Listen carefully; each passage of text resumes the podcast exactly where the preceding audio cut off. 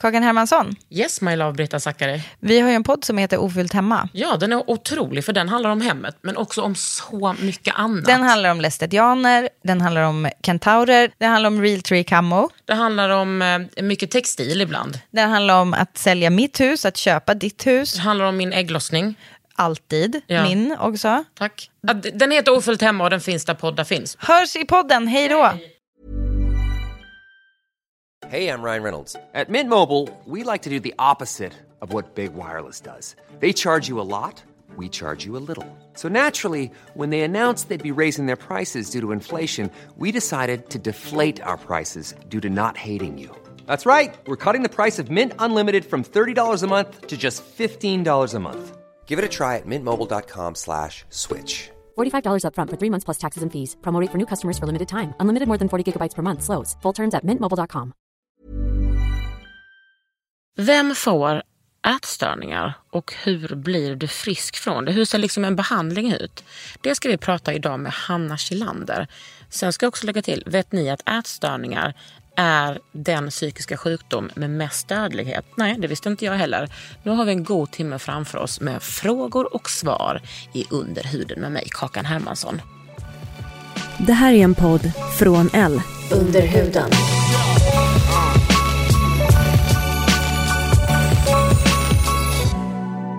Under huden. Med Kakan, Hermansson.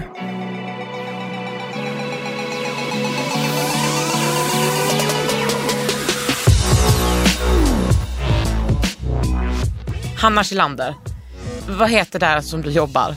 Det heter Stockholms centrum för ätstörningar och förkortas SCA. Okej, och vad gör man där? SCA är en ätstörningsklinik som ligger vid Mariatorget i Stockholm. Eh, där man helt enkelt kan få behandling för eh, sin ätstörning. Men vi har också en, eh, en forskningsenhet så att vi forskar. Ah, Som är knuten till ett universitet? Eller? Den är knutet till eh, Karolinska institutet men det är då vår klinikens egen forskningsenhet. Wow, okej. Och då undrar jag så här, vad är liksom när ni kom, när, när en patient kommer till er, en person, vad är kriteriet för att en ska vara ätstörd? Ja, så här är det. Om man vill komma till oss för att eh, få eh, behandling så brukar man, man kan göra någonting som kallas för en egenanmälan. Att man helt enkelt svarar på ett antal frågor på vår hemsida. Man kan också vara att man får en remiss någon annanstans ifrån. Och då får man komma till oss på ett första bedömningssamtal.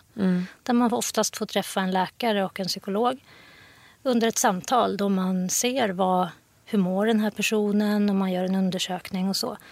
För att se om eh, både om vi på SCA tror att vi kan hjälpa den här personen men också om den personen tror att det här verkar vara rätt typ av vård för mig. Finns det någon generell liksom, plats som en person kanske har kommit till själv när den söker hjälp? Är det liksom ofta så här, "Ah, jag har varit sjuk så jävla länge och jag orkar inte det här längre? Eller är det så här, hmm, nej, nu kanske jag börjar bli lite ätstörd. Nu dyker jag in här och vill ha hjälp. Det är en väldig blandning skulle jag vilja säga. Vi har ju patienter mellan ja, 9-10 år och upp till över 60. Så att det är väldigt olika var man befinner sig i livet, var man befinner sig i sin sjukdom så att säga. Så vi har nog lite, lite av allt. 9-10 år. Ja, det har vi på barnmottagningen absolut. Herregud, det är så jävla lite. Ja, det är det. Är det många som eh, insjuknar så tidigt men kanske definierar det som en sjukdom mycket senare? Det är en bra fråga. Ofta så är det ju föräldrarna som eh, helt enkelt söker vård och att barnet själv inte är speciellt motiverat. Men eh, man vet att eh, familjen är en väldigt, väldigt bra resurs. Så att det viktiga är att man får då föräldrarna att förstå att barnet har en ätstörning. Det behöver inte vara... Det kan snarare vara så att vi inte vill att barnen ska identifiera sig så mycket med att man har en ätstörning. För då blir det så dramatiskt eller? Ja, men lite, man- det är lättare helt enkelt att få dem att lämna sjukdomen. Behandlingen kan bli mer effektiv om inte barnet har identifierat sig för mycket med en diagnos. Vi vet nämligen via forskning att ju yngre man är när man får hjälp eh, och ju snabbare man får vård, desto större chans att bli frisk. Så att det kan vara lättare att behandla ett barn som är 11 år som har insjuknat för tre månader sedan än vad det är att behandla någon som är, vad vet jag, 48 och har haft kanske en ätstörning i många år. 40 år. Ja, till exempel. Ja. Eller hur det nu är. Jag menar att det, eh, även om det såklart är hemskt med de, de unga så kan vi ändå se att man kan göra en... Eh, det finns väldigt gott hopp för dem. enkelt. Jag har ju fördomar då mot att min mammas generation, eh, hon är 50-talist, att eh, typ alla där är ät- ätstörda. Att de är så himla formade av eh, bantning som norm. Att de har så etablerat en ätstörning som de har normaliserat så himla mycket. Även om det inte behöver påverka deras vardag 100 procent, men att det någonstans hänger med hela tiden i allting de gör. Ja, jag tänker nog lite så här att... Ja, det är en fördom, absolut. Ja, men, ja, men ändå så tänker jag att eh, det är skillnad också på att faktiskt ha en, en, så att säga, en klinisk ätstörning. Att liksom uppfylla kriterierna att ha... En ätstörning är en psykisk sjukdom. Så att vara faktiskt sjuk i en ätstörning eh, eller att vara lite, vad ska man kalla det då, allmänt störd i sitt ätande och sin upplevelse Man har problem med sin mathållning typ. Ja, och de här som du säger som kanske alltid håller på lite med någon diet eller testar något nytt eller alltid ska hålla igen lite. Det är ju inte ett kul liv och de kanske inte har en jättebra självkänsla. Men det i sig behöver egentligen inte innebära att man faktiskt har den här, att man har en ätstörning. Nej. Men hur, eh, jag förstår att det här är en svår fråga, men Mm. hur definierar ni ätstörning på, eh, på din arbetsplats? Ja, om vi ska bli lite medicinskt nördiga. Det då. ska vi bli. Ja, då är det ju så att det helt enkelt finns ett, eh, ett eh, vad ska man säga, en diagnosbok som, som kallas för DSM-5 där alla psykiska diagnoser finns med. Där det står vad alla symptomen är på de olika psykiska sjukdomarna som finns. Och då kan man titta på de här kriterierna som står både för kanske för hetsätningsstörning eller för bulimi eller någon annan ätstörningsdiagnos. Och så kan man se hur många uppfyller man för att då kunna ställa diagnosen. Ett visst antal kriterier behöver vara uppfyllda. Och tittar man då eh, på till exempel om vi tar bulimi så behöver man då ha ett, eh, ett visst antal eh, överätningar per vecka som då efterföljs av en kompensation på något sätt. Alltså en kräkning. Det kan vara en kräkning men det kan vara andra saker också. Det kan vara överdriven träning eller laxering eller någon annan kompensation. Kompensatoriskt beteende. Men till det här kommer ju också att eh, livet blir så pass påverkat av den här ätstörningen man har att man inte kan leva som man levde tidigare. Att man kanske slutar att eh, skratta.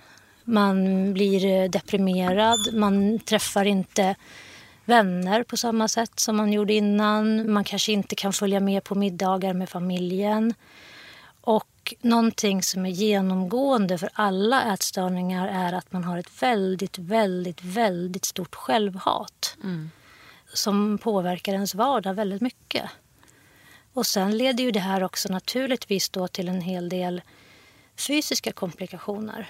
Jag menar, har man till exempel en, en, en bulimi med ett kompensationsbeteende så ja, man får ju skador både på, om man till exempel kräks, så får man ju skador på tänder, på, på strupe, på, ja, man får liksom samla på sig vatten, man får, kan få hjärtsvikt, alla möjliga saker som kan följa med. Så att man hamnar i en väldigt, väldigt ond cirkel. Och tittar man på då, det så är det väldigt annorlunda mot de som tänker att nu ska jag banta igen eller jag borde kanske inte äta det här. Och, som sagt, det är inte heller ett kul liv men det är Nej. inte en sjukdom. Nej. Jag tänker bara, alltså, varför jag också har bjudit in eh, er som har erfarenhet av ätstörningar till podden är för att jag tänker att det är den största folksjukdomen i Sverige. Men att vi inte riktigt pratar om det för att det drabbar så många kvinnor. Självklart så drabbar det män också och eh, intergenders och allt som är däremellan. Men jag tänker att det pacificerar så extremt många kvinnor. Och därför är det lite skönt att den sjukdomen finns. För då kan ju vi liksom aldrig göra någon revolution. Just det. Ja. Jag kan bara, Du, du kan, jag, bara kan, hålla med. jag kan bara hålla med. Ja. Ja. Vad pratar ni om på ditt arbete om vad det finns för slags orsaker? Jag förstår också att det är en enormt stor fråga. Ja, det är en stor fråga. Men det som, där är det också att eh, forskningen går ju tack och lov framåt på det området. För ett antal år sedan, låt säga på 80-talet, då kanske man pratade en hel del om att eh, det skulle kunna vara liksom familjens fel och speciellt då mödrarnas fel. så. Exakt detta vill jag komma till. Ja. Det nämnde jag i förra podden också. Mina föräldrar är mentalvårdare i grunden och pappa har jobbat mycket med anorektiska tjejer Ja. på 70-talet. Just det. Och där var det alltid, alltså där var det inte inget snack om saken. Där var det liksom, det är mammans fel. Precis. Mamman har dålig kontakt med dottern. Exakt. Och det är ju inte vad någon som helst forskning visar idag. Nej. Utan idag visar det, dels visar det snarare tvärtom. Att har man, eh, alltså familj, föräldrar är en resurs för tillfrisknande. Men vad det gäller orsaker så dels så har man gjort väldigt mycket studier nu på genetiken. Och man ser att det, eh, man löper en större risk att drabbas av en ätstörning om det finns eh, ja, helt enkelt i, familjen, i släkten. Men är det då genetik eller är det liksom en socialt överförbar sjukdom? Jag skulle säga både och. Att genetiken, absolut, det har vi sett genom att göra olika studier på gener och så vidare. Men det är också så att det är bara en del. Det innebär ju inte att eh, jag som till exempel har haft en ätstörning, det innebär inte att min dotter som jag har kommer att få en ätstörning. Utan det kan vara en faktor. Sen har vi andra faktorer som har att göra med till exempel att eh, det kan vara att man har varit med om någon form av eh, separation. Och det behöver bara, inte innebära att det bara är att föräldrar har skilt sig utan man kanske har bytt skola eller flyttat eller förlorat en bästa vän. Eller kanske Eh, ett djur? Ja, och också att det tillkommer andra faktorer som att eh, det här med som vi var inne på med negativ självbild. Eh, så det finns olika saker som man säger kan, kan samspela. Man kan ha varit mobbad. Men det, det behöver liksom inte vara alla de här sakerna. Men de, det är ju inte så att alla får ju inte en ätstörning. Nej, och det finns ju inte ett enkelt svar. Nej, exakt. man ju. Mång, det, för en del börjar det med att man tänker att man ska mm, så att säga banta eller hoppa på en diet och sen så spårar det ur. Och det gör det inte för alla utan det behöver vara ett samspel mellan de här olika faktorerna. Och vi brukar säga att lika många personer det finns som är drabbade av en ätstörning, lika många orsaker finns det. Eh, Och var ett enkelt svar på det så skulle nog även behandlingen vara lättare tänker jag. Men skulle du säga att den forskningen som ni bedriver är feministisk? Oh, vilken bra fråga. Alltså tycker du att det Mm. finns med det perspektivet i liksom era samtal? Eller? Ja, Ja. det tycker jag. Vi har väldigt många unga forskare som jobbar hos oss som har ett brett och bra tänk, skulle jag vilja säga. Eh, Så ja, jag tycker att vi har med det perspektivet. Vad skönt. Mm. Men du, du har ju själv varit sjuk. Ja. Hur skulle du definiera eh, din före detta ätstörningar? ätstörning? Hur jag skulle definiera den? Ja. Alltså jag hade en anorexi Ja. i ganska många år. Mm. Vill du berätta hur det liksom började? Ja, absolut, det kan jag göra. Även där, trots att jag är 39 år idag och frisk så har jag inte heller ett enkelt svar på vad det var som gjorde att min ätstörning bröt ut. Men, eh, men jag vet det här med att jag hade en väldigt låg självkänsla. Och eh, jag var väldigt tävlingsinriktad som barn. Och eh, jag och några tjejer i min klass när jag gick i tvåan, vi Alltså tvåan på grundskolan? Ja, precis. Vi eh, började tävla om vems revben man kunde se bäst. Ehm, Och eftersom jag var så tävlingsinriktad så gick jag in i det där ganska hårt och tänkte att jag ska väl vinna det här. Den här viktiga tävlingen ska jag vinna. Ja, precis. Som att det var... Ja.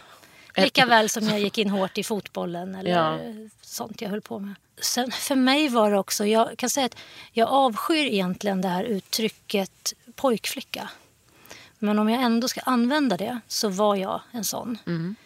Och jag fick ganska mycket, vad ska man säga, kritik av folk i min omgivning för att jag var så kallat grabbig. Ja, såklart. Det 80-talet. ska inte premieras. Nej.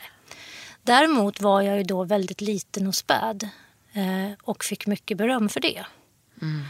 Och i min 8-9-årings logik så tänkte jag då att det är okej att vara som jag är om jag är bra på det andra, att vara späd och smal. För det gillar ju folk att jag är. Folk var liksom avundsjuka på det och tyckte att ja, om man såg ut som du, då kunde man ta en tårtbit till. Och Precis. sådär. Medan det andra där med att jag spelade fotboll och cyklade BMX och hade kort hår, det var ingenting som jag kände var okej. Men så länge du var liten och smal så var det... Så tänkte jag att håller jag kvar det ihop med den här tävlingen då, med att man skulle se revbenen så Hur länge höll den där tävlingen på? Ja, alltså mina klasskompisar de höll väl på en vecka. Men, men jag höll väl på ett antal år. Ja. Så. Ehm, och jag lärde mig ju av det på något sätt att eh, smalt är bra och allt annat är dåligt. Jo, och det tänker jag, det har man ju med sig från, alltså, från barns ben. Det hör man ju bara på hur folk pratar om bebisar. Oj, sicken tjockis. Och, Oj, oj, oj. Och då är det liksom... Känns, redan där känns det att man gör väldigt mycket skillnad på tjejer och killar. Ja. Att det kanske inte är okej att vara tjock som flicka. Och jag tror att jag lärde mig det just där när jag var åtta. I alla fall så som mitt minne är. Jag kanske hade lärt mig det tidigare men jag har ett starkt minne av att det var då det gick upp för mig att man kan vara som man vill och vara den man är så länge man är smal. Mm. Grejen att jag, lär, jag tror också att jag förstod det. Jag har varit tjock hela mitt liv. Men jag förstod också det. Men jag blev liksom aldrig smal. Jag kan så här förundras över att jag inte har blivit mer ätstörd. Det är kanske för att jag är lat. Nej, det tror jag inte. Utan kanske för att de här olika faktorerna vi nämnde inte spelade in på samma sätt. Ja, alltså anorexi har jag uppenbarligen aldrig haft. Men jag har, jag har hetsätit väldigt mycket. Det är ju väldigt, väldigt vanligt. Mm. Och, och alltså som att eh, ge det som present till mig själv. Att jag ska visst också få äta som alla andra. För att folk alltid, du vet så, alltså så släktingar, lärare, föräldrar till mina kompisar har liksom alltid, så komment, eller ofta kommenterat när jag har ätit. Och det vet jag själv, att jag har tänkt sådana tankar om när tjocka människor äter. Och bara, ska- ska den verkligen ha det där? Att jag liksom, så har mat alltid varit för mig som tjock person. Att jag har skämts när jag har ätit till exempel i matsalen eller på restaurang. Det är många som, många som säger det och det är ju otroligt sorgligt. Mm. Alltså allting är ju sorgligt Ja. när det kommer till typ speciellt kvinnor och mat. Visst, så är det. Men hur såg din resa ut från att vara åtta och tävla i revben eh, och liksom till mellanstadiet och sådär? Alltså jag har ju haft både bättre och sämre faser i min, eh, i min före detta sjukdom. Så att eh, det var väl lite bättre kanske i eh, mellanstadiet och så blev det lite sämre igen i högstadiet och så var det lite fram och tillbaka sådär. Men det var väl först när jag var 19 kanske som, som det liksom blev riktigt akut kan man säga. Och innan dess var det väl, dels så jag uppväxt i en eh, småstad och det fanns ingen riktig ätstörningsvård och det var ju knappt någon som visste vad det var. Så att hemma hos oss handlade det ju mest om att fixa dagarna tillsammans som familj. Men hur Att, eh, tidigt reagerade eh, din familj? De reagerade ganska snabbt faktiskt. Just där eh, pappa tog upp ganska tidigt att eh, om jag satt i hans knä när jag var sådär åtta år så tyckte jag att jag hade så tjocka lår för att de liksom flöt ut sådär. Eh, och det reagerade han tidigt på. Så att mina föräldrar har varit väldigt stöttande för mig i den här eh, resan och hela tiden liksom backat upp mig och funnits där. Och försökt lösa saker från vecka till vecka. Det måste så vara så himla svårt för föräldrar att ta beslutet eller att förstå allvaret att nu har det gått för långt, nu måste vi söka hjälp. Ja, För oro för sina barn är väl alla typ hela tiden. ja men... visst, visst. Ja, och som sagt för, för mig där så fanns det inte så mycket hjälp att få. Det är ju tack och lov annorlunda idag att det finns hjälp att få snabbare. Mm. Kan man bara googla det? Ätstörning, hjälp. Och så kommer man till er typ. Det tror jag att man kan. Ja, vad bra. Eh, sen så, nu pratar ju vi då om just Stockholms centrum för ätstörningar som är en av de behandlingsalternativen som finns just i Stockholm. Men man kan ju även söka sig till, till SCE när man bor i andra län för eh, öppenvård. Ja, ja, ja. Och sen finns det ju andra ätstörningsenheter och kliniker runt om i Sverige. Men det är ju inte överallt i Sverige som det finns en närhet till en bra Nej, klinik. och då ska man ju ha en jävla tur att man kommer till en bra distriktsläkare, heter det när man går till... Ja, en distriktsläkare eller husläkare. Mm. Eller, ja, men precis. Och alla behöver ju inte... Jag menar, där jag arbetar, det är ju en specialiserad ätstörningsklinik. Många kan ju få den hjälpen de behöver via till exempel BUP eller Mm. via en bra, ja, en bra kurator på vårdcentralen. Och det finns Mm. När- annan typ av hjälp man När fick också. du professionell hjälp första gången? Alltså jag var...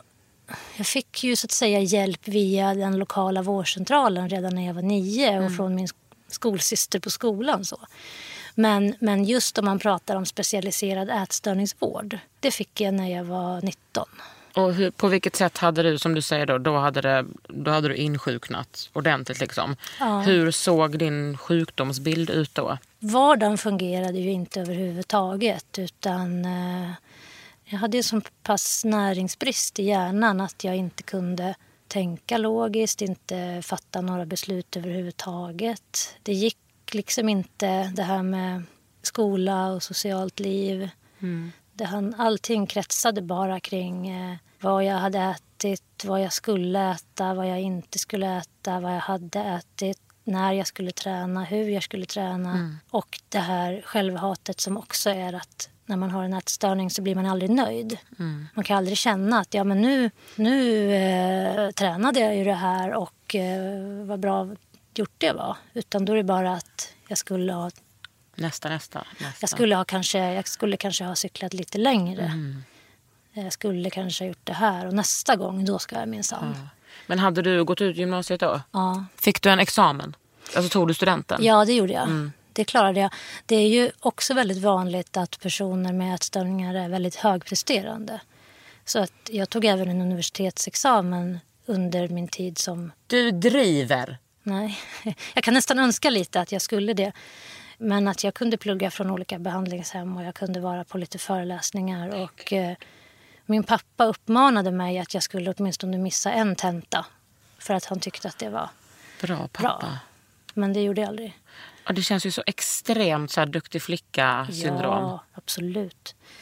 Och vi möter ju väldigt många så kallade duktiga flickor inom Mm. vården. Vad tog du examen i då? Beteendevetenskap Ja, perfekt. med huvudämne psykologi. Såklart. Eller typ dietist tänkte jag. Just det. Ja. Det kommer jag ihåg att så, jag gick på en folkhögskola för många år sedan. Och där så hade, eh, på den skolan fanns det en dietistlinje.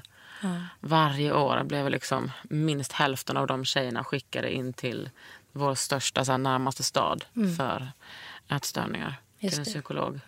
Nej, men och jag tror att eh, när jag hade blivit frisk ifrån mina ätstörningar det sista jag ville då det var att arbeta med ätstörningar. Det Mm. absolut sista. Klipp till idag när du, när du Precis. gör det. Precis. Nu har jag ju gjort det i ja, 12 år kanske. Mm. Under huden. Med Kakan Hermansson.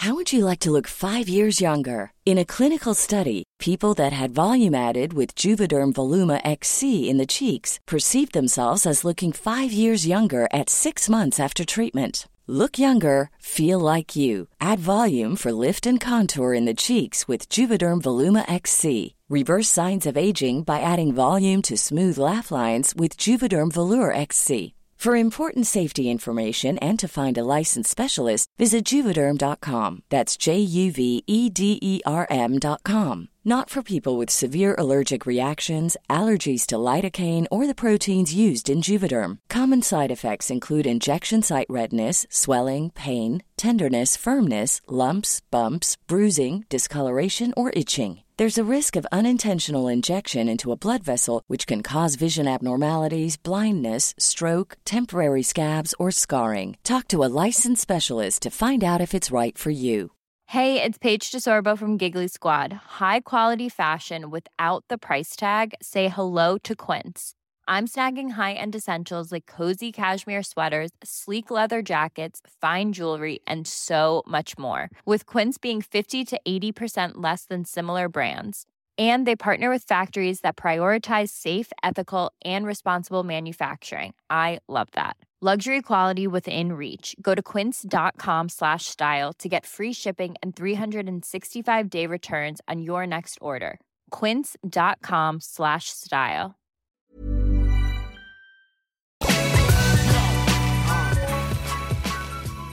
En sak som du lärde mig när vi mejlade innan det här var att så här, man ska inte, finns det några regler frågade jag. Så du, man ska inte fråga om vikt och så ska man inte, man ska inte be om före och efterbilder. Och det tyckte jag var så bra och så intressant. Kan inte du berätta varför? Jo, det kan jag. Om vi skulle börja prata om vad jag vägde när jag var som sjukast eller vad jag väger nu eller någonting. Så får man fundera på vad fyller det för funktion? Det jag tänker är att de som kanske lyssnar på den här, förhoppningsvis på den här, vårt samtal nu. Det är många som lyssnar, Ja. det kan jag garantera. Ja, vad ger det dem? Mm. Då får de kanske höra att jag vägde någonting som var mycket, mycket mindre eller mycket, mycket mer än dem. Mm. Och det kan helt enkelt trigga. Det kan vara någon som känner att ja, men jag är nog inte så sjuk för jag vägde inte lika lite som henne eller lika mycket som henne. Så. Och vi får, glömma, vi får inte glömma snarare, vi får inte glömma att de allra flesta som har en ätstörning är normalviktiga Mm. eller överviktiga.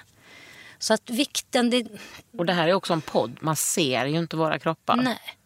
Och att gå in då på de här siffrorna, det, det, det fyller ingen funktion för dig och inte för mig och inte för de som lyssnar. Nej. Och vad det gäller foto så är det lite samma sak. För varför ska vi se... Jag menar, sjukdomen sitter i huvudet, i tankarna.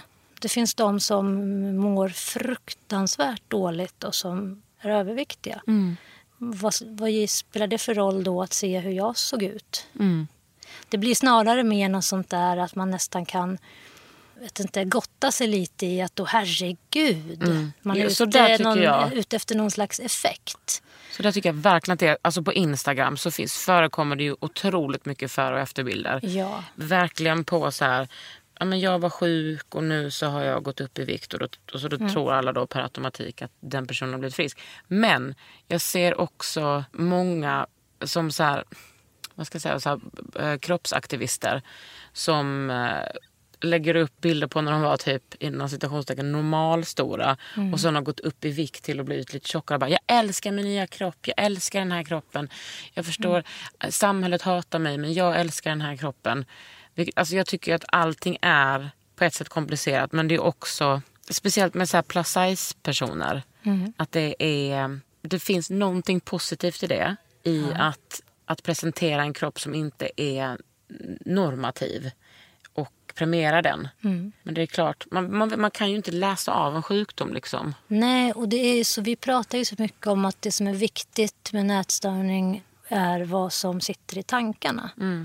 Och då, varför ska vi då hålla på och visa liksom bilder på kroppar? Och sen tänker jag att alla kroppars lika värde, självklart. Man eh, ska kunna få se ut hur som helst. Men man behöver, tycker jag, vara lite försiktig med hur, hur det kan påverka andra som inte mår så bra idag. Jag vet ju hur jag själv skulle ha reagerat när jag hade en ätstörning om jag hade sett den typen av bilder eller när jag hörde vad någon vägde. Det sporrade ju bara mig till att bli sjukare. Och det är ju det sista jag vill göra genom att prata om det här ämnet. Hur gammal var du när du blev frisk? Ja, det var ju inte så att jag blev liksom frisk en 27 november. Nej. eh, Så. Men eh, man kan ju säga kanske att eh, jag var väl sådär eh, 25 då. 25-26 någonting. Men hur, hur ligger det egentligen till? Hur fan blir en frisk? Ja, den frågan får jag får den ofta och vi får den ofta där jag arbetar och eh, där jag tidigare arbetade inom Frisk och Fri. Men hur man blir frisk, även det är ganska individuellt för varje person. Hur kan liksom en behandling se ut på ditt arbete? Dels så skiljer det sig åt om det är barn eller vuxen. Så du får välja. Jag väljer vuxen. Ja, Och vad är vuxen? Är det från 18? ja det är oftast från 18. Då, dels har vi lite olika alternativ. Det finns en vanlig eh, öppenvård eh, där man kan komma på samtal en gång i veckan eller två gånger i veckan eller vad som behövs. Med en psykolog? Ja, det är oftast en psykolog eller någon person med liknande kompetens. Skulle det kunna vara att man går och pratar med dig? Ja, fast jag jobbar inte på vuxensidan. Men ja, det skulle det kunna vara. Ja, du jobbar på barn? Jag jobbar på barn delvis, ja. Men vi har också någonting som är dagvård. Det vill säga att man är hos oss från klockan nio till tre, tror jag det är, om dagarna. Och sen har vi också då en slutenvård där man in, ligger inlagd. Eh, så. Men oftast så är behandlingen uppbyggd på att det, är, eh, det kan vara in- individuella samtal, det är gruppsamtal, det är eh, övningar tillsammans med fysioterapeut där man, det handlar om kroppskännedom och så vidare.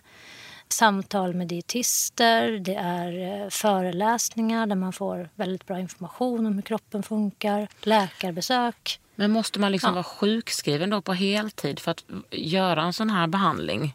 Nej, Inte? Nej, det beror ju på hur det ser ut. Är man då inlagd på, på vår Ja, då- heldygnsvård, ja. Ja. Men om nej, annars så de allra flesta kombinerar ju behandlingen med studier eller arbete.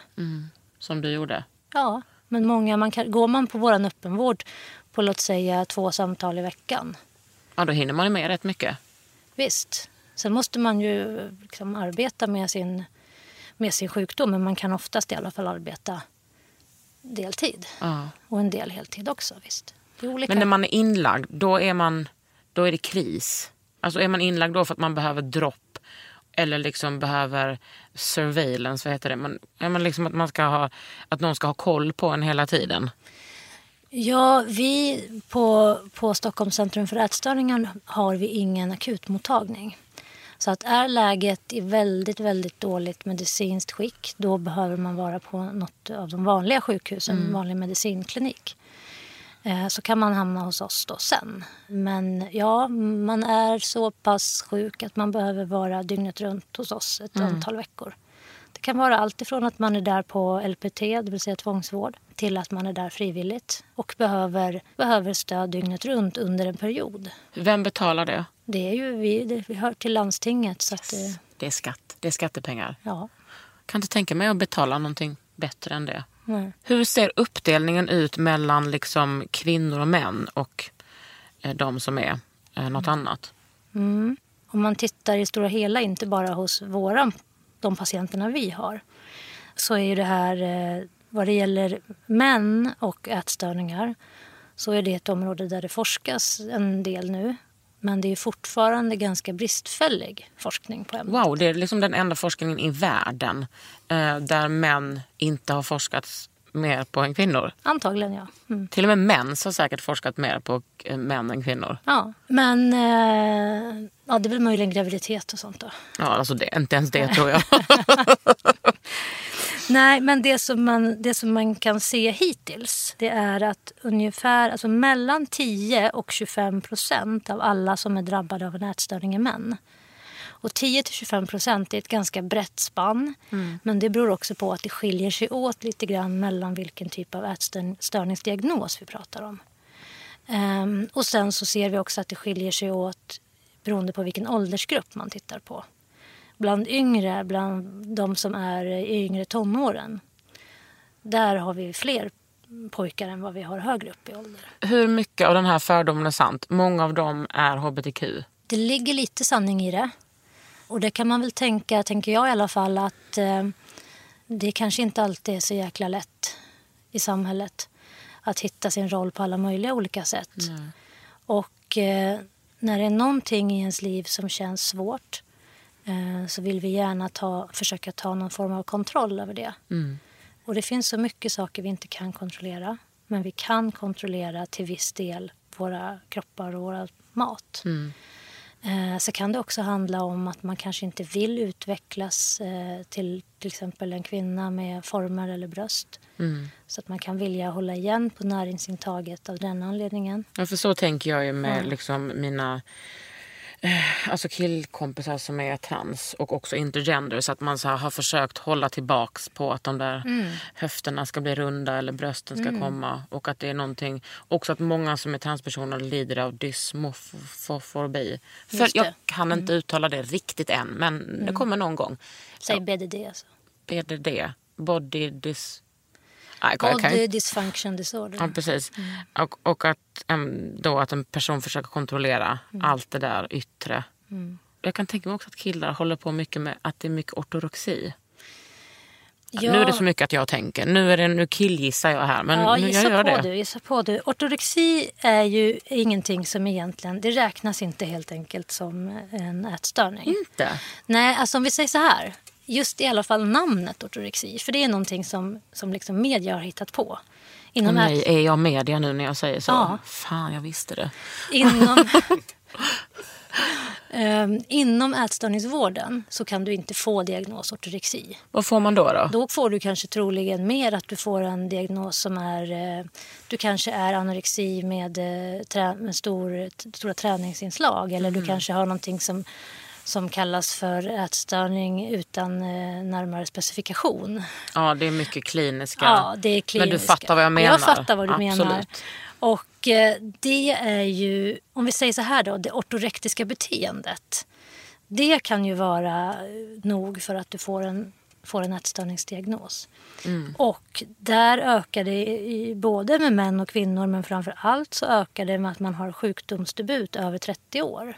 Ah. Ehm, Att man kanske har eh, så att säga klarat sig relativt bra hela livet och sen har du tre barn och eh, hus och hund och livet flyter på bra men så bestämmer du dig för att Du ska ska- komma i form. ja, för det ska man ju och du ska springa maraton och när du har gjort det så, så ska du helst springa ultramaraton. Och sen, Och tough viking ska man också Ja, göra. och det är ju helt galet för man får betala för att vara med i det. Och så ska man liksom hoppa över såna här elstängsel. och- Hanna, mig behöver du inte övertala. Nej, nej, men jag är helt fascinerad över jag det vet, här. nej, men, det- jag pratar, men det här brukar jag ta upp i podden ibland. Att här, jag och min tjej åkte till jobbet en morgon och hon bara, är det inte helt sjukt att vi har kompisar som tränar som elitidrottare Mm. vid sidan om sina heltidsarbeten och familj. Och det är ju det många gör idag, att de som faktiskt är så att säga riktiga elitidrottare, Mm. de har ju oftast det som sitt arbete och de tränar ju sällan så mycket året runt. Nej. Utan om man tittar på en skidåkare som tränar väldigt, väldigt intensivt under vinterhalvåret och givetvis tränar resten av året också men inte på den nivån. För det är så extremt viktigt att kroppen får någon möjlighet att vila och återhämta sig. Men då ska vi, vi ska liksom arbeta heltid och vi ska ha de här eh, tre barnen och de, alla deras aktiviteter och föräldramöten och hunden och bilen.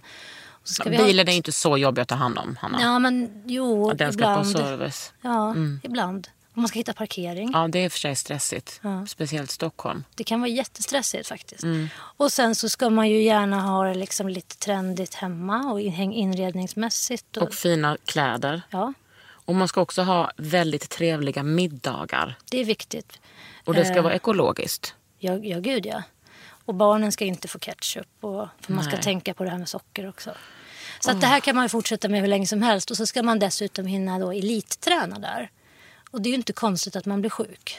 Nej. Och sen är det ju också så här att eh, personer som börjar träna väldigt mycket, de får ju ofta väldigt mycket beröm och mycket komplimanger och så. Att man är duktig Ja, och man har gått ner i vikt. ja. Jag tycker bara att det är... Jag har ju en liten skepsis, skepsis mot människor som tränar mycket. Jag tycker inte att det är helt eh, sunt. Och då kommer jag ändå från... Jag har tränat så jävla mycket i mitt liv. Fram till att jag var 20 ungefär. Sen kan man säga att det avtog något. Och det, många blir provocerade av mig när jag, när jag säger det här. Att, jag inte, att jag tycker att man får se upp lite. Speciellt så här tjejer som tränar mycket. Jag tycker också att man ska se upp lite. Och sen så tycker jag att det också kan vara... Möter man en person som spelar handboll och Det var det jag gjorde. handboll, liksom, eh, vad vet jag, har träning liksom tre gånger i veckan och en eh, match på helgen. Men sen det som har varit, ska man kalla det då, genuint idrottsintresserade, eller är det. Mm. Sen tittar man och jämför på de här personerna som plötsligt går på alla de här olika passen på gymmen. Och passen heter alltid från så body combat, vilket låter skitfarligt.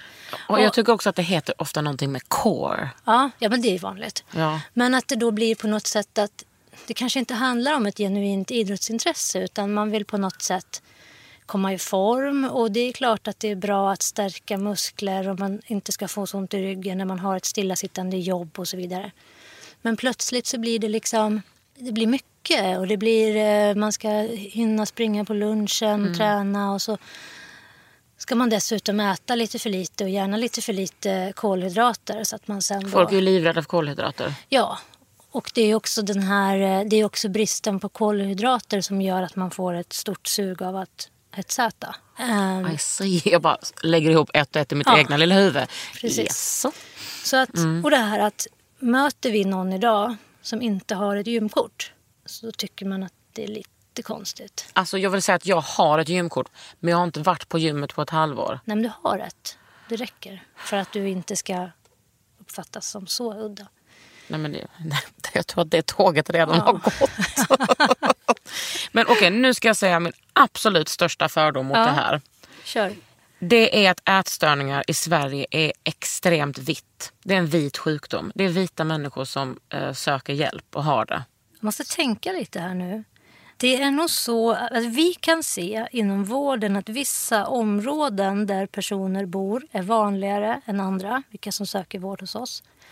Så vet man ju inte om det är att de söker vård. Exakt vad jag skulle komma till. Att vissa, vissa kanske har en större tendens till att söka vård, kanske ett större förtroende för vården. Vissa kanske inser tidigare att det här är faktiskt en, ett problem som vi kan få hjälp med. Så jag tror att det finns många faktorer som, som spelar in där. Men forskningsmässigt så ser vi väl att ätstörningar kan drabba precis vem som helst i vilken ålder, vart man än bor. Så att, eh, ja, Men jag tänker till exempel att kvinnor som rasifieras självklart har eh, jättemycket problem med kroppen men också har rasismen att fightas med. Att så här, kroppen kanske kommer i... Så här låter det i alla fall lite när jag pratar med mina kompisar med den erfarenheten. att Det är inte... Det kanske inte är det som är det största problemet. Att man har annat att fightas med. jag tror att det ligger mycket i det du säger. Ehm, och det har jag också funderat en hel del Två vita kring. tjejer spekulerar, absolut. Men Ja, mm, exakt. Ehm, nej men visst, och det, det är väl lite min tanke och mina funderingar jag har också. Men eh, jag har inget, ja, jag kan inte direkt hänvisa det till någon, någon studie. Utan det är mer min, det kanske eh, kommer. min känsla och eh, mina erfarenheter hittills. Mm. Eh, För att jobba på ditt jobb, måste en ha erfarenheter av ätstörningar själv? Nej, nej, nej. Ehm, inte på Stockholms centrum för ätstörningar. Nej. Där, är man, där arbetar man ju som, som behandlare av olika slag. Läkare, sjuksköterskor och så vidare. Ehm, men jag nämnde lite tidigare också det här med Frisk och Fri som är, en, som är Riksföreningen mot ätstörningar. Det är ju en stödförening där man inte kan få behandling men man kan få stöd på olika Och sätt. det är liksom som en anhörigförening också? Ja, precis. De arbetar förebyggande. För att, ja, Jag känner till detta för min gudfar på Sensus har jobbat med dem tror jag. ja, okej. Och har liksom sagt att de är helt underbara. Ja, det tycker jag med. Föreningen består ju till största delen av personer som antingen har haft en ätstörning själv eller har varit närstående till någon som har haft en ätstörning. Och där man då ar- arbetar ja, förebyggande, stödjande och påverkande för en bättre vård. Då undrar jag också, du nämnde ju innan, när vi, innan vi gick in i studion att liksom din arbetsplats är den andra största ätstörningskliniken i världen. Hur kommer det sig att, den lig- alltså att, att det är så stort i Sverige? Även där kan det vara olika saker som spelar in. Dels så var vi ju ett antal olika ätstörningskliniker som valde att slås ihop. Det bidrar ju till att, att det i sig, att vi skulle kanske kunna ha fortsatt att ha alla de här mindre utspridda så hade vi inte reagerat på det. Men nu valde man att slå ihop det för att det kändes bra. måste också ha att göra med att vi är ett gammalt sossesamhälle där folk eh, vet att man kan söka och få vård, tänker jag. Ja, jag tror att den biten också spelar in. Och sen att ätstörningar är ju så pass vanligt. Men är det liksom mer i Sverige än vad det är i Tyskland eller Honduras? Det är väl inte mer i Sverige än vad det är i Tyskland så vitt jag vet. Eh, vad det gäller liksom, eh, studier på antal drabbade i Honduras Nej, kan jag inte riktigt Nej, uttala mig om. Ja, eh, Den största kliniken, ligger den i USA? ja precis. Men det, en, det har varit en liten diskussion nu om vilken som egentligen är störst. Jaha. Så vi kanske landar i, Att vinna? ja, om det nu är en tävling man vill vinna. Mm. Men det som jag tänker i alla fall är en fördel med att eh, ha en stor klinik istället för många utspridda är också att man får en väldigt stor kompetens på ett och samma ställe. Ja, det måste ju vara bra för forskningen liksom. Ja, Att visst. ta överblick. En sak som jag undrar. När kände du att du var frisk? Det var nog när jag var sådär 26, 27. Och det var ju svårt i och med att jag hade varit sjuk så länge så var det så svårt att veta vad av mig är jag och min personlighet. Och Ja, för då hade du varit sjuk typ i 20 år. Ja. Nästan. Nästan, kanske 16. Någonting sånt. Ja, sen hade det ju gått upp och ner lite hur pass, eh, hur pass jag mådde. Jag hade ju bättre och sämre perioder givetvis. Men eh, så det var väl när jag också började märka tydligt att jaha, nu försvann det här också som jag trodde hörde till mig men det hörde nog också till sjukdomen. Och, Vad var det som kunde försvinna då? Ja, men kanske just att till exempel tycka att eh, när jag var sjuk så kanske jag tyckte om jag var i ett socialt sammanhang kunde jag tänka att de här människorna vill nog inte helst att jag är här. Utan de skulle nog helst önska att jag eh, gick hem och att eh, jag kanske förstör kvällen för dem genom att bara vara här och sitta här och vara så ful och så tjock. Liksom. Alltså riktigt sån självhatshamna kom fram. Ja, visst, den sjuka delen som var. Medan sen när jag då ehm, blev, blev frisk så kunde jag känna att jag kunde vara i sociala sammanhang och inse att ja, inte vet jag om de vill ha mig här men skitsamma nu är jag här. Eller att de kanske faktiskt vill det till och med. Jag kanske, De kanske faktiskt gillar att ha mig här. Och innan hade jag kanske tänkt väldigt mycket på att ätstörningen bara handlade om maten och kroppen och inte så mycket om ja, inställning till saker och sådär. Eller, ja. Eller jag kunde komma på att jag kunde till exempel inte, om jag ville gå över gatan så kunde inte jag trycka på den här knappen eh, när, att man vill gå över om inte någon annan stod där. För tänk om alla bilar ska behöva stanna bara för att jag ska gå över. Wow, det där är verkligen toppen av självhat. För att de kanske har bråttom till någonting och så när jag går över där kommer de sitta i sina bilar och, liksom, och så kommer de dessutom tycka att jag kanske går för sakta och svära. Så då kunde jag bara trycka om det var någon annan med. Stod du bara där annars så... Jag stod en bit ifrån och liksom Ja. låtsades hålla på med något. Åh sådär. gud, det där är verkligen så. Det där är verkligen sånt eh, att pacificera personer. Ja, visst. Men sen så kunde jag, gick jag bara fram och liksom tryckte och noterade inte ens att om på något sätt om jag hade rätt att gå över eller om, alltså jag bara gjorde det. Så det var mycket saker som plötsligt ja, blev så enkla. Som jag kanske inte riktigt hade förstått att det ingick i min eh, anorexidiagnos så att säga. Men hur blev det med maten när du blev frisk? Det blev bra. Men hur, liksom, hur märkte du det där? Nej, men jag märkte ju att från att det var fruktansvärt att äta eh, och väldigt, väldigt hög grad av ångest eh, som kanske ledde till självskadebeteende och så vidare till att jag åt någonting och så liksom hände inget. Alltså det kom inte någon ångest. Men det måste ju varit helt magiskt. Ja, gud. Det var som att liksom...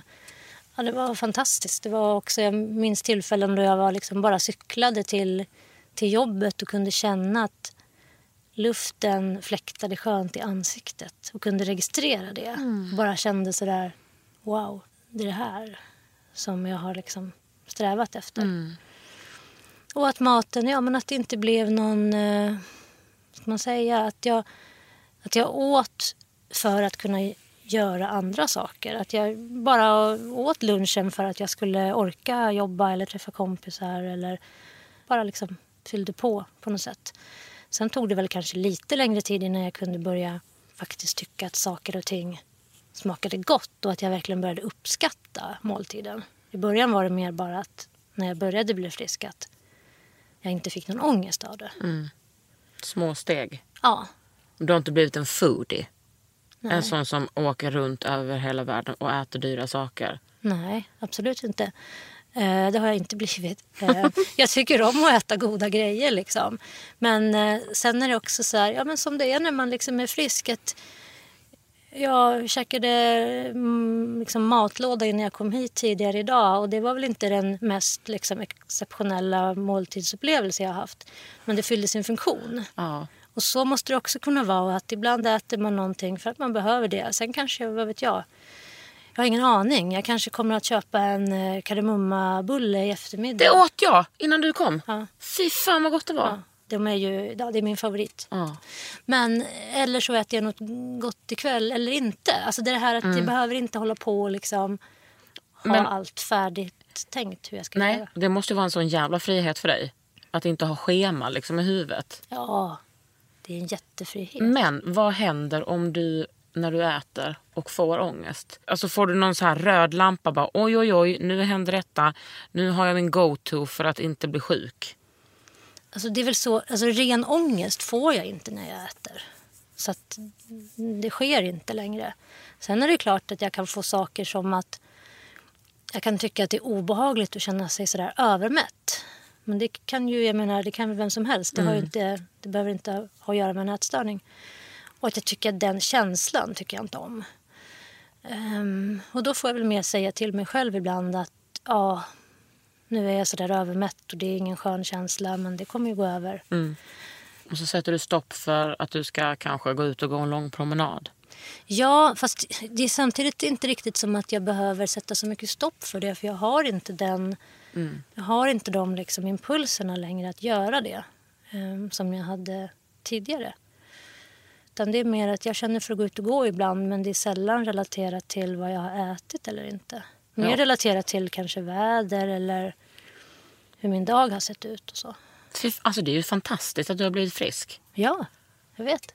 Och man kan ju bli det. Det Ja. finns ju också en, en sån där fördom om att man aldrig kan bli fri och frisk och fri från en ätstörning. Ja. Men det har jag sett väldigt, väldigt många bevis på.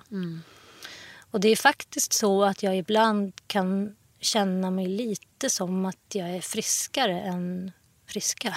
Ja, det förstår jag verkligen. Ja. Att du har en annan relation till mat kanske och det där tänket. Ja, det är ju lite sådär att alla idag, nästan alla, alla i alla fall, håller på på något sätt med mat och kropp.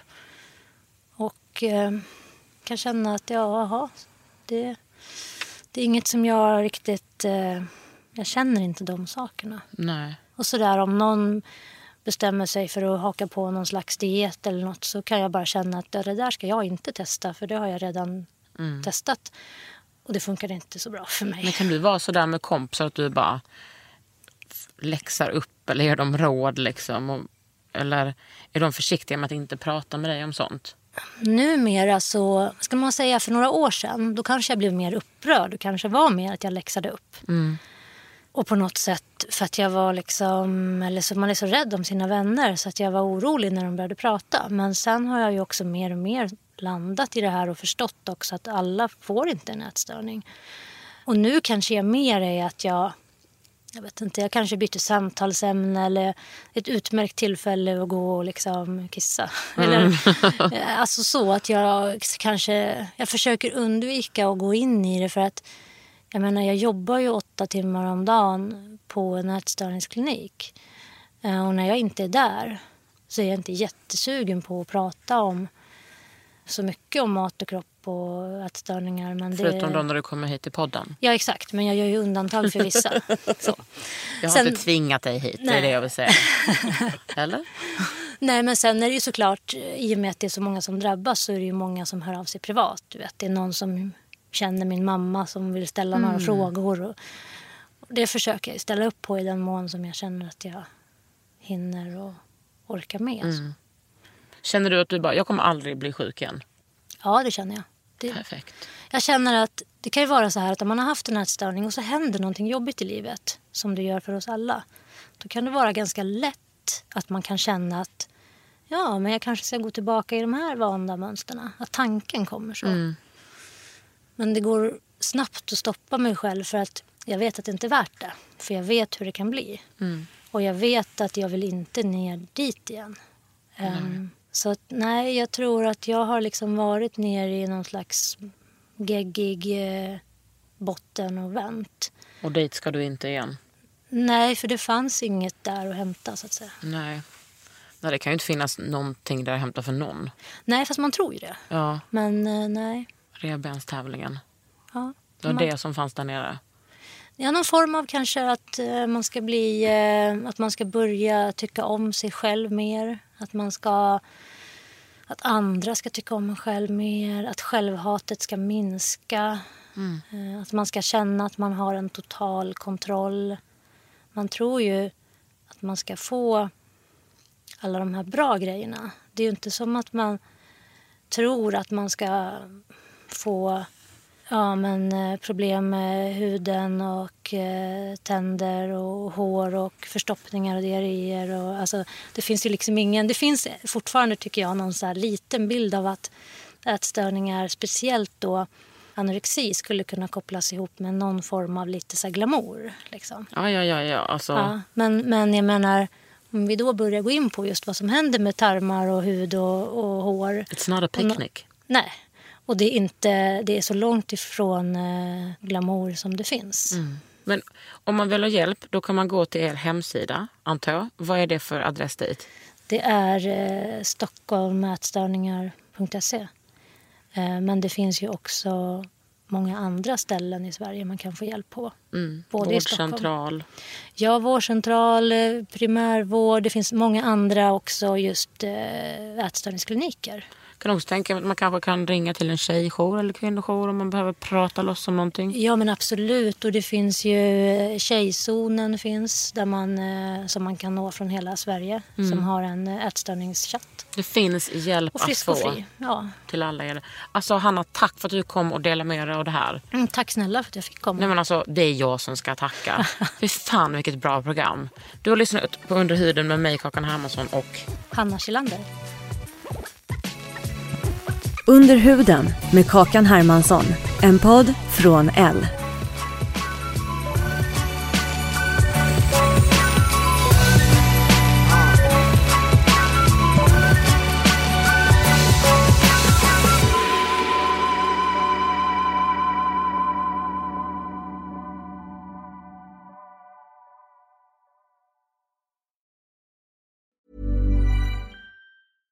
catch yourself eating the same flavorless dinner three days in a row? Dreaming of something better? Well, HelloFresh is your guilt-free dream come true, baby. It's me, Kiki Palmer. Let's wake up those taste buds with hot, juicy pecan-crusted chicken or garlic butter shrimp scampi. Mm. Hello Fresh.